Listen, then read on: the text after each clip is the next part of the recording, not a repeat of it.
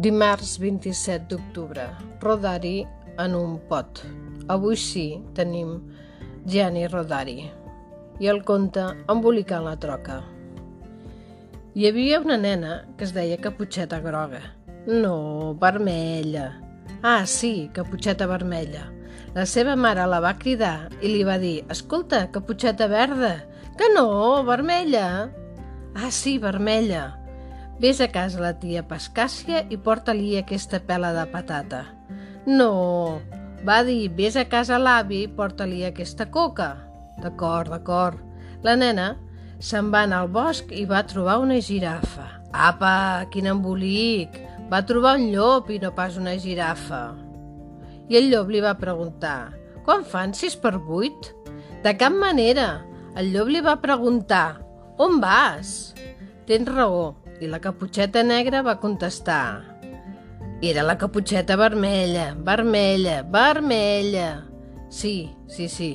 I va contestar. Vaig a plaça a comprar salsa de tomàquet. I ara? Vaig a casa l'àvia que està malalta, però no sé trobar el camí. Just a la fusta, això és. I el cavall va dir, quin cavall? Si era un llop. Oh, i tant. I va dir això. Agafa l'autobús número 75, baixa a la plaça de la catedral, gira cap a la dreta, trobaràs tres graonets i un dineret per terra. Deixa estar els tres graonets, agafa el dineret i compra't un xiclet. Avi, avi, no en saps, eh, d'explicar històries? Tot ho confons, tot ho barreges. Però, tanmateix, el xiclet bé me'l podries comprar. D'acord, d'acord. Vet aquí el dineret i l'avi va tornar a llegir el seu diari tranquil.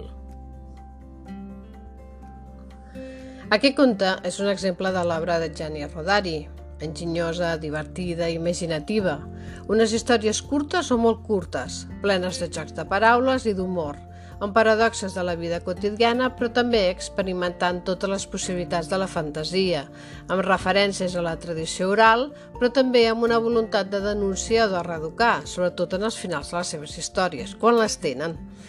Si llegim el conte a un infant, aquest mateix conte, aquest hi veuria un joc per embolicar la troca, però rere aquesta història simpàtica se'n podria extreure una lliçó o un reny adreçat als pares o als mestres per com acaba el conte que és en definitiva l'aposta educativa de Rodari, útil ahir, avui i segur que per al futur. És per això que es considera Rodari un clàssic actual que enguany, a més, celebra el seu centenari. I si parlem de xifres, podem fer números rodons perquè fa 100 anys doncs, que Rodari va néixer a Omegna, arran del llac Alpí d'Horta, l'any 1920, si hem fet els números.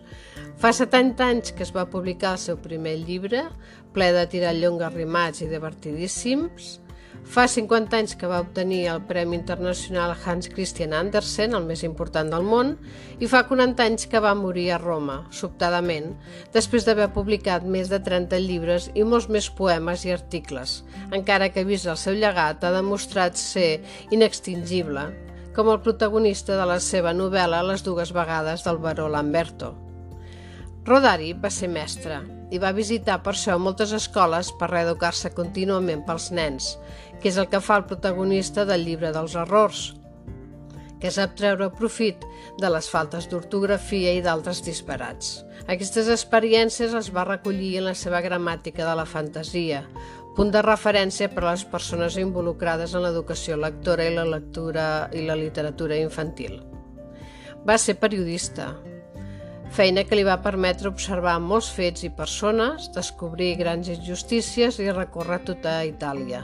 Més de 100 ciutats italianes són citades als seus contes, com el protagonista dels viatges d'en Joan Esquenadret.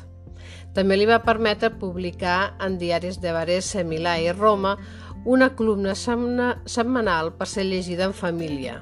I de les preguntes d'aquells lectors en va sortir el llibre dels per què. Va ser pacifista i fruit d'aquesta dèria són les seves obres primerenques, les aventures d'en Sabeta, tan vigent encara pels abusos i injustícies que hi denuncia.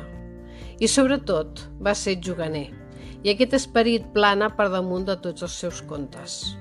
Els contes, per exemple, amb tres finals possibles, de moltes històries per jugar, o, per exemple, com contes per telèfon, o la sèrie de l'Alicia Parapam, entre d'altres obres que trobareu a la biblioteca i a la xarxa de biblioteques del sistema de lectura pública.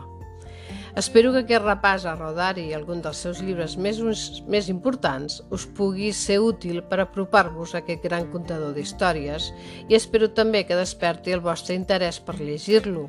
I com ell mateix va dir, desitjo que tothom llegeixi, no perquè esdevinguin escriptors o poetes, sinó perquè ningú no sigui mai més esclau.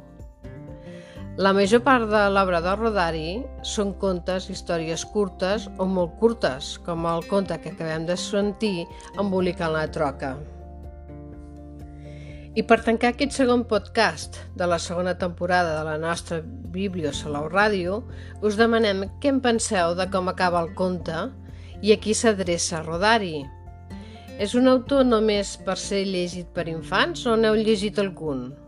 La tradicional caputxeta vermella, com els contes Hansel i Gretel, La Ventafocs, La Vella Dorment, recollits pels germans Grimm, El Petit Príncep o l'Alícia de Lewis Carroll, són contes infantils? Creieu que són contes per infants? Què en penseu dels contes pensats per adults, tan cèlebres com els que va escriure Pere Caldés o els més actuals de l'Empar Moliner o la Matilde Asensi? Creieu que és un gènere menor respecte a la narrativa per adults? És tan atractiu un recull de contes d'aquests autors mencionats, per exemple, com una novel·la del gènere que sigui? Així doncs, podeu reflexionar i sobretot opinar sobre alguna d'aquestes qüestions i fer-nos arribar de nou les vostres intervencions. Us esperem, doncs, a Biblioràdio Salou. Som-hi!